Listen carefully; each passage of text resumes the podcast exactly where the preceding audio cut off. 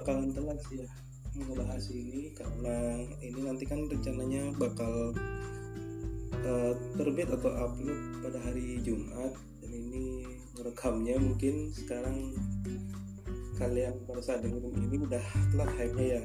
Yang di mana baru saja. Uh, Grandmaster mengalahkan korek bentar ngambil korek dulu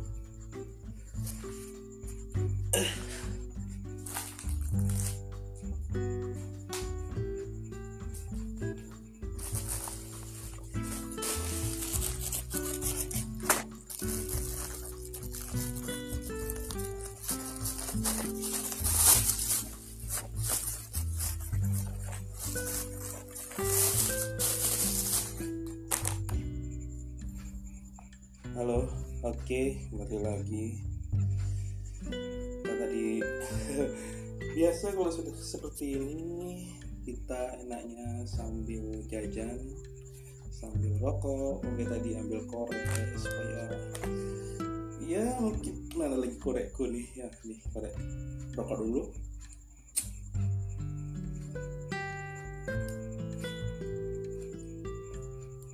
Ah, nikmat.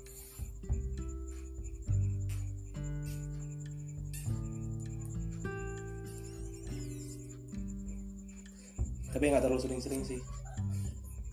Ya lumayan untuk kayak gini podcast ini. Pelan-pelan coba untuk mengurangi rokok juga. Tapi ya nggak langsung berkurang juga ya. Oke balik. Mungkin kayaknya bakalan telat untuk hari Jumat kalian dengerin ini karena hype-nya. Baru hari ini uh, ya kalian tahu sendiri kan uh, pertandingan live catur yang disponsori Deddy Corbuzier sama Tokopedia. Dan yang di mana yang keluar sebagai pemenangnya adalah uh, Grandmaster Ireng Skandar. Pokoknya nggak ada akunya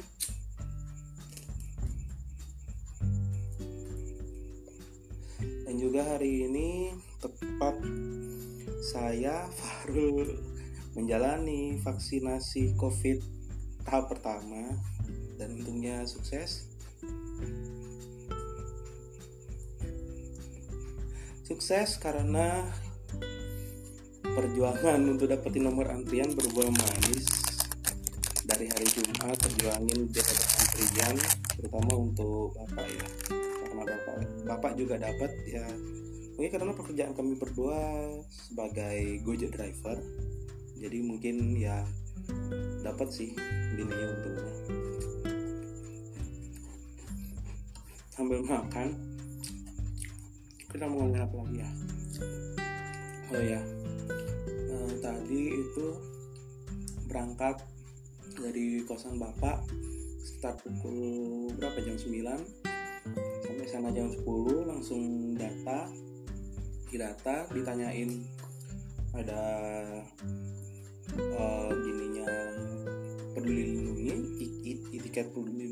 tidak. Minum dulu.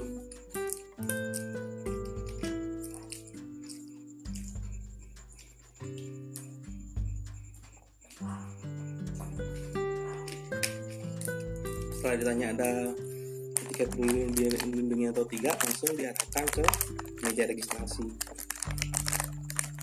Setelah di meja registrasi konfirmasi data data diri konfirmasi nomor HP konfirmasi pekerjaan saat ini. Lalu diarahkan ke meja tensi. Anjir gila. Tadi di meja tensi tensi 140 per berapa gitu.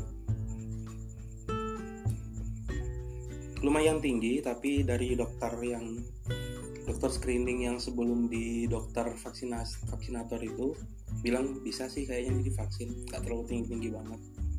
Ya untungnya bisa. Untungnya bisa.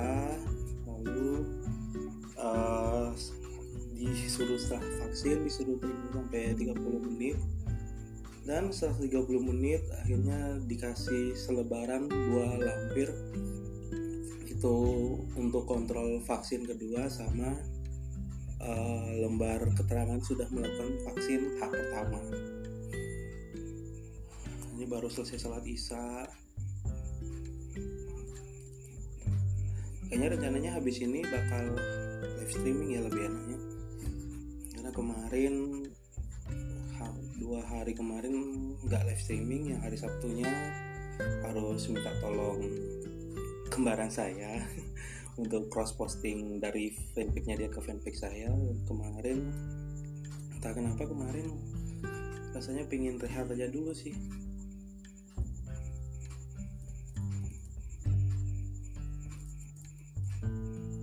Pengen rehat sebentar ya kan? Ya mungkin karena terlalu terpaku terhadap konsistensi untuk live stream jadinya mau live stream lagi karena pas hari Jumatnya itu kan live stream di tempatnya Eka. Jadi untuk mau bongkar lagi uh, keperluan live streaming seperti speaker monitoring, splitter sama mic yang saya pakai untuk podcast ini agak malas untuk seorang Fahrul, agak malas agak malas untuk setup lagi setelah gitu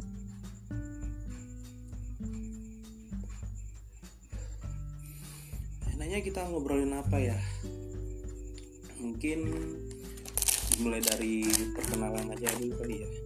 Karena kemarin kebanyakan di podcast kemarin lebih banyak ke curhat. Mungkin sekarang lebih ke perkenalan aja dulu ya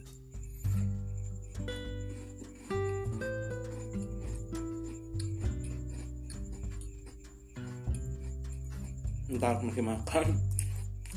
Hmm, jadi lah podcast akan kasih tahu. By the way untuk podcast uh, dukungan untuk tetap hidup untuk ke depannya saya kayaknya nggak bakal uh, Fahrul kayaknya nggak bakal motong-motong bagian-bagian podcast yang Farul rekam sekarang ini.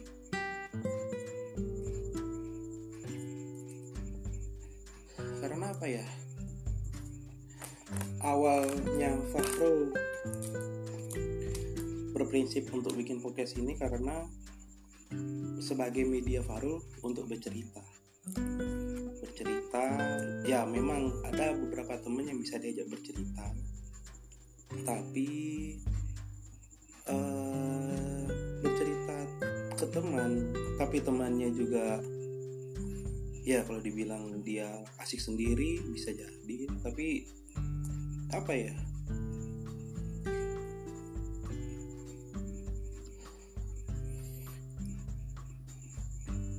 Terkesan buang-buang waktu gak sih? Untuk cerita ke teman tapi teman lawan bicara kita tidak berusaha kalau berusaha mengerti sih kayaknya berusaha mengerti. Tapi berusaha untuk mengerti lebih jauh lebih tepatnya saya akan menggunakan bahasa bahasa itu mengerti lebih jauh kayaknya tidak. Hanya berusaha mengerti menenangkan dengan nasihat udah selesai. Dan sisanya wah pasti akan kalian tahu sendiri.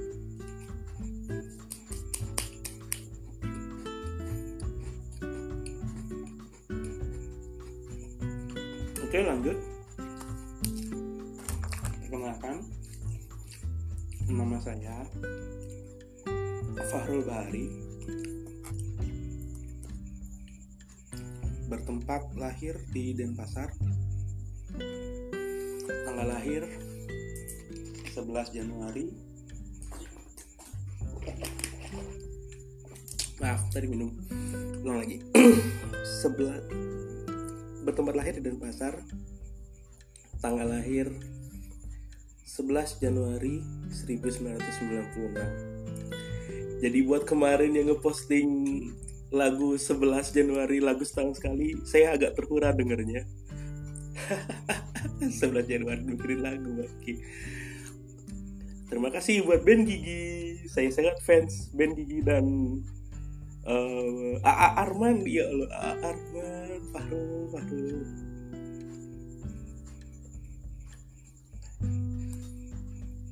lahir dari kedua orang tua bapak dan ibu. Bapak bernama Abdul Rakib Put. Yang tentu saja seorang pria bapak yang menjadi panutan buat Fahrul papa lebih tepatnya.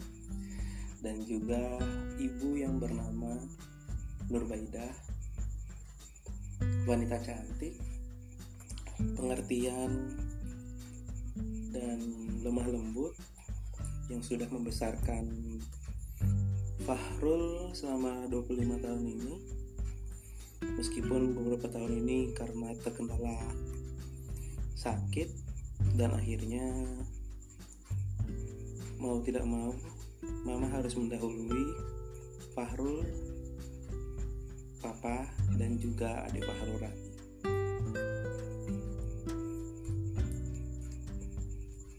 Umur ya sudah jelas. Seperti yang di awal tadi 25 tahun. Yang di mana umur sekarang sangat sering diterpa namanya krisis-krisis umur seperempat abad. Sangat melankolis.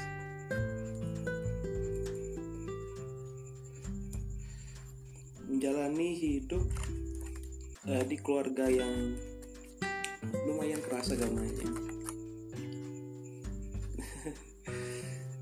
Makan lagi tapi gak selesai selesai ngobrolnya. Oke lanjut. Uh, apa lagi ya? baru 12 menit kebiasaan kebiasaan mikir uh, mau ngomong apa akhirnya mengalir aja seperti episode kemarin kayaknya ya cara podcast yang akan Faru sampaikan bakal begini terus. Mengalir mengalir mengalir. Mengalir sampai ujung ya iklan iklan iklan rucika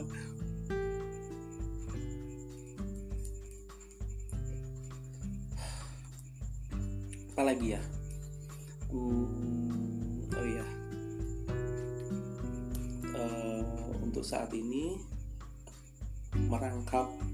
pekerjaan. Empat ya. Oh enggak tiga. Seba eh empat dong. Empat dong Rul. Iya empat. Sebagai driver.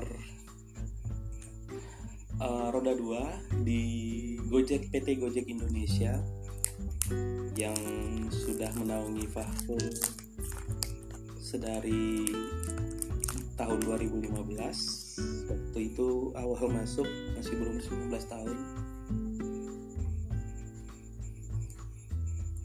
Sekarang sudah berumur 25 kurang lebih 6 tahun September nanti. Lalu karena Gojek orderannya semakin lama semakin sepi semakin sepi mau tidak mau Fahrul buka usaha jasa antar antar kirim barang bernama FDS Fahrul Delivery Service iya Delivery Service. Dan lalu uh, sebagai live streamer di fanpage yang baru Farul tekuni Februari kemarin terpaksa menekuni itu untuk meminta dukungan dana untuk kesembuhan. Yang target awalnya untuk kesembuhan mama tapi Tuhan berkehendak lain kan. Sebagai live streamer di Korila Goklat fanpage Korila Goklat mungkin habis ini bakal lanjut live stream karena ini nunggu uh, baterai HP kecas. Soalnya lumayan memakan banyak baterai kenapa tidak bisa dicas langsung pakai charger ya? Karena uh, kendala stick wirelessnya itu stick wirelessnya memang wireless tapi sepertinya model wirelessnya sudah rusak ya. Jadi mau nggak mau harus disambung kabel lewat USB OTG dan juga mengisi dan menyemangati para kalian para PMK Cia disingkat lagi bangsa baru baru kenapa disingkat dong? Uh, para pencari makna kehidupan yang tentu saja ketika kalian mendengarkan ini uh, Farul berpesan bahwa uh, kalian menanggung beban kehidupan yang kalian merasakan krisis kehidupan sekarang itu kalian tidak sendirian. Marilah bersama-sama kita berjuang jalani umur-umur seperempat perjalanan hidup kita ini. Mungkin pendengar yang lain ada yang sudah uh, di atas 25 ya. Ya nggak apa-apa karena tujuan dari podcast yang Farul bikin kita harus saling support. Kita hanyalah manusia. Wajar bila tak sempurna. Asik mantap Farul. Nyanyi terus. Bangke bangke Oke. Ngomong-ngomong soal pekerjaan Ini panas. Kena abu. Rokoknya panas Ntar minum dulu.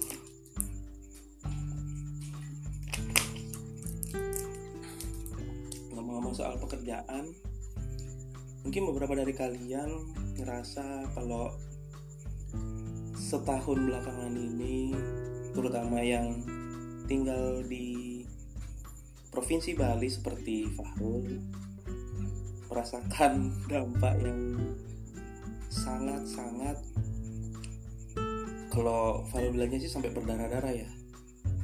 Ekonomi provinsi Bali tidak berputar sama sekali.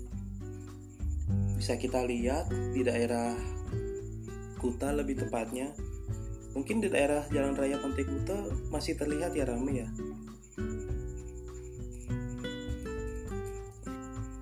Tapi daya tarik sebenarnya dari Kuta itu uh, aduh keluar. Fahru pas podcast bersendawa memang memang. Lanjut. Uh, mungkin daya tarik Kuta itu bukan pantainya yang lebih ke daerah popisnya. Mungkin kalau sekarang kalian yang sedang berada di daerah Kuta atau yang memang berdomisili di sana melihat Kuta tidak seramai seperti biasanya lumayan mengiris hati. Di mana toko-toko yang biasanya ramai turis-turis berlalu lalang di daerah Popis, Popis 1, Popis 2 tembusannya ke tukang pijat waduh kenapa? Ke tukang pijat dong tukang pijat tukang pijat bangsa emang tukang pijat tuh. Tukang pijat daerah Popis enak sekali pijatannya. Ah, berharap pandemi ini cepat berakhir. Sepertinya tidak meskipun vaksin sudah ditemukan. Apalagi ada berita katanya vaksin yang bermerek AstraZeneca coba bertahan sampai Mei. Berharap gila yang di order AstraZeneca di berita yang baru baca hampir satu juta dosis. Wah gila sih satu juta dosis. Uh, kedeluarsa dalam waktu kurang dari satu setengah bulan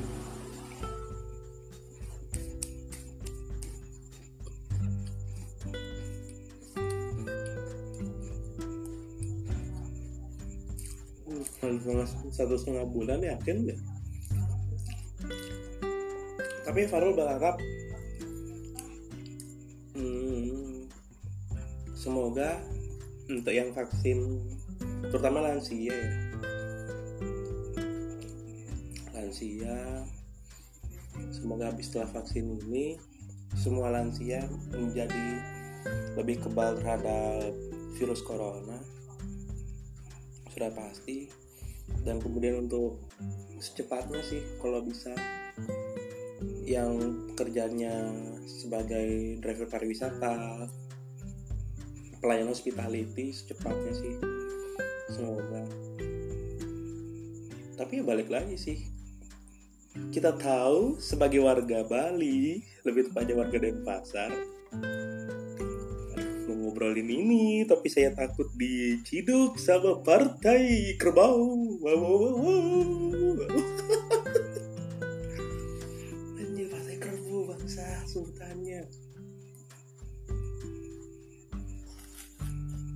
Lalu apa ya? Oke uh, kebiasaan tidak fokus. Harus jadi catat Fahrul oke tidak apa-apa. Uh, lalu hmm, apa ya? Ya kita berharap semoga cepatlah pemulihan ekonomi untuk uh, profesi Bali lebih tepatnya. Karena yang menurut Fahrul Bali bakalan bisa mati suri sih karena kondisi sekarang Bali dibilang hidup mau hidup kayak gimana? Turis tidak ada. Ya memang ada turis yang overstay ya. Sampai dideportasi. Waduh kenapa langsung ke sana Faru Faru oke lanjut. Turis sampai dideportasi. Uh, lalu ya kalau bisa sih turis-turis yang memang tujuannya melancong ke Bali bisa segera cepat datang.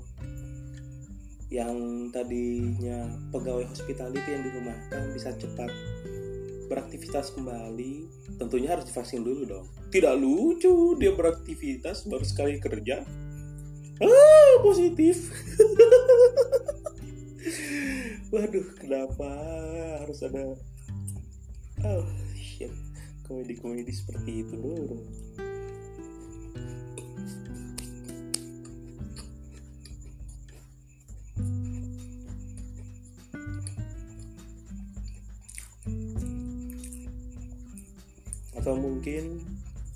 yang sekarang masih memiliki pekerjaan tetap memiliki pekerjaan yang menghasilkan pundi-pundi rupiah walaupun uh, pendapatan kalian omsetnya berkurang drastis.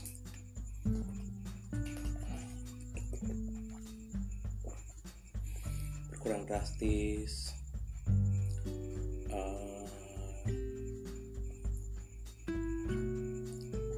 pusing mikirin bayar kos pusing motor bakal ditarik apa enggak. Iya bisa jangan menyinggung jangan menyinggung. Tapi sudah terlanjur bangsa.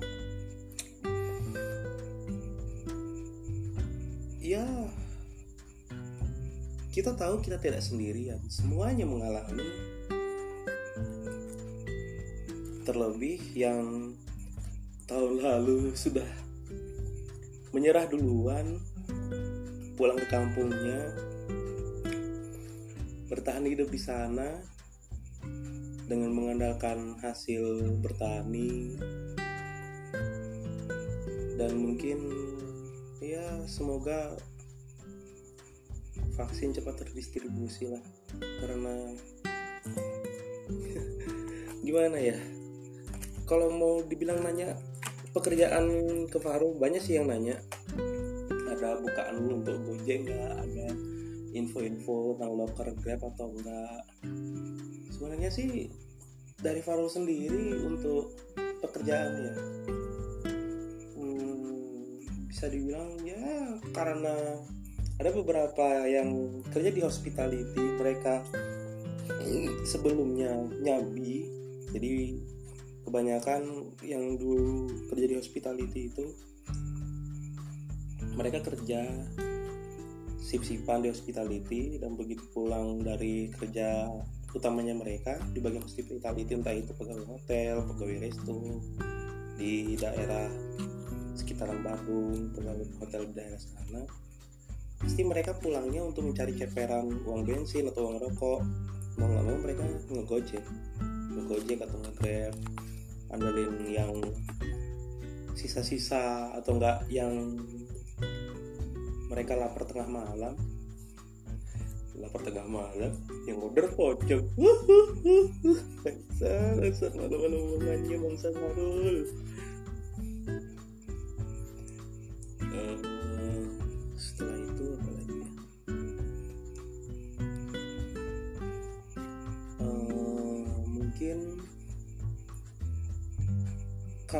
misalnya masih ada yang nanya ke Faro ada pekerjaan apa enggak? Eh sama Faro kalau dibilang ada pekerjaan ada. Cuma ya kalian mampu nggak dibayar dengan upah yang uh, un, mungkin nggak ada istilah lain selain ya underpay di bawah bayaran. Ya karena kondisi kayak seperti ini kalian mau minta uh, kebayaran sesuai keringat yang kalian kucurkan udah nggak bisa. Bantuan? Hmm, mengharapkan bantuan. Ah, bisa sih bisa. Bisa aja kalau masih ada dermawan yang memiliki sedikit dana. Tapi ya sudah setahun berlalu. Setahun berlalu. Pariwisata Bali belum juga dibuka. Entah sampai kapan ya kalau kalian nanyain ini ke Faro ya Faro juga cuma bisa menunggu. Menunggu dan menunggu. Seperti yang dibilang pemimpin tertinggi di provinsi Bali disuruh nunggu nunggu nunggu. Menunggu tunggu. Dikira nunggu kereta api nunggu terus bang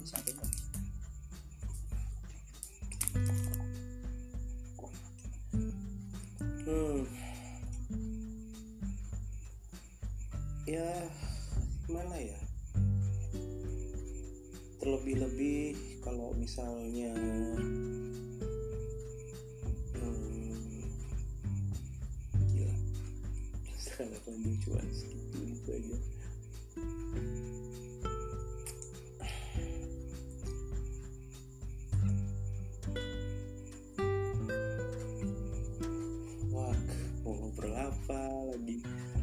hampir setengah jam. Biasanya jadi gini keluar aja. Itu umumnya nggak keluar. Kebanyakan rokok kayaknya sih. Ya kita cuma bisa berusaha dan berdoa. Berdoa memohon agar uh, supaya diberikan kekuatan untuk menjalani hari esok dan berdoa berterima kasih pada hari ini karena masih diberikan uh, penghasilan yang cukup untuk beli makan, untuk beli bensin untuk motor, untuk ya mencukupi keperluan keluarga kecil yang sudah punya keluarga mungkin. Karena kasihannya yang di situ sih, ya sudah berkeluarga tapi mereka menghidupi keluarganya dia dan juga keluarga bapak keluarga dari uh, bapak ibunya. Lebih tepatnya generasi sandwich ya. Kasihannya di situ sih. Kerja banting tulang dari pagi sampai ketemu pagi lagi. Tapi dengan resiko terpapar mungkin agak menyayat hati ya. Tapi ya bagaimana? Kita cuma bisa menjalani menjalani dan menunggu. Sesuatu yang namanya bantuan dari tanda kutip pemerintah yang sudah pasti bakal tidak tahu kapan datangnya. Mungkin kita bakal tahu ya kalau Bali ini sudah mulai um, para pemudanya sudah mulai gerah sudah mulai sebal sudah mulai berusaha berontak. Apa harus menunggu itu terjadi? Tentu tidak. Daripada terulang kembali yang namanya pemberontakan. Lebih baik apabila yang mendengarkan ini salah satu dari institusi pemerintahan uh, dimohonkan segeralah menyalurkan bantuan-bantuan itu kepada yang membutuhkan. Gimana ya?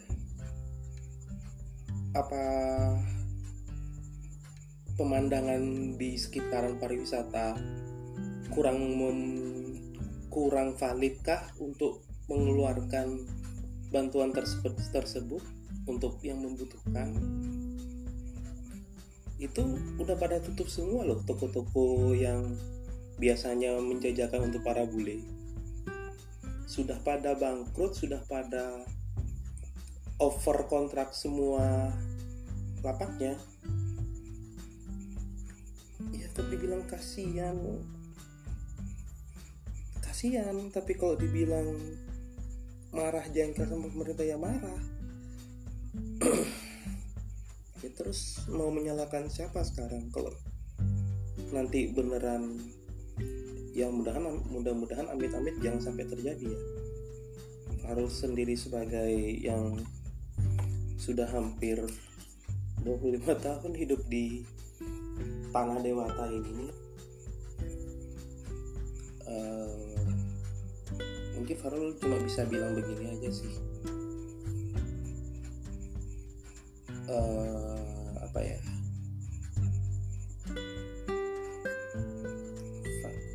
Kata-katanya lagi. Ayo Farul pikir pikir pikir. Ibaratnya para mereka yang berjuang menghadapi hidup demi terpap demi risiko terpapar pandemi covid ini seenggaknya harus sesegera mungkin dibayar apresiasinya. Apakah harus menunggu mereka meninggal baru diberikan bantuan atau santunannya? Apa itu tidak? Ada bedanya kita seperti binatang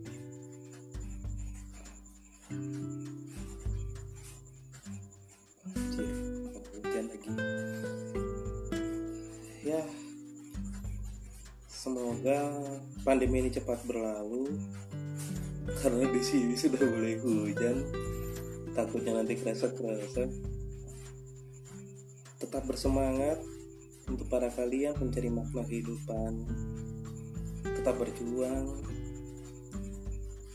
Tetap mengutamakan iman. Tetap mengutamakan doa kepada sang pencipta kepada yang di atas. Dan juga selalu percaya bahwa di balik ada musibah pasti ada berkah saya Fahrul. Terima kasih.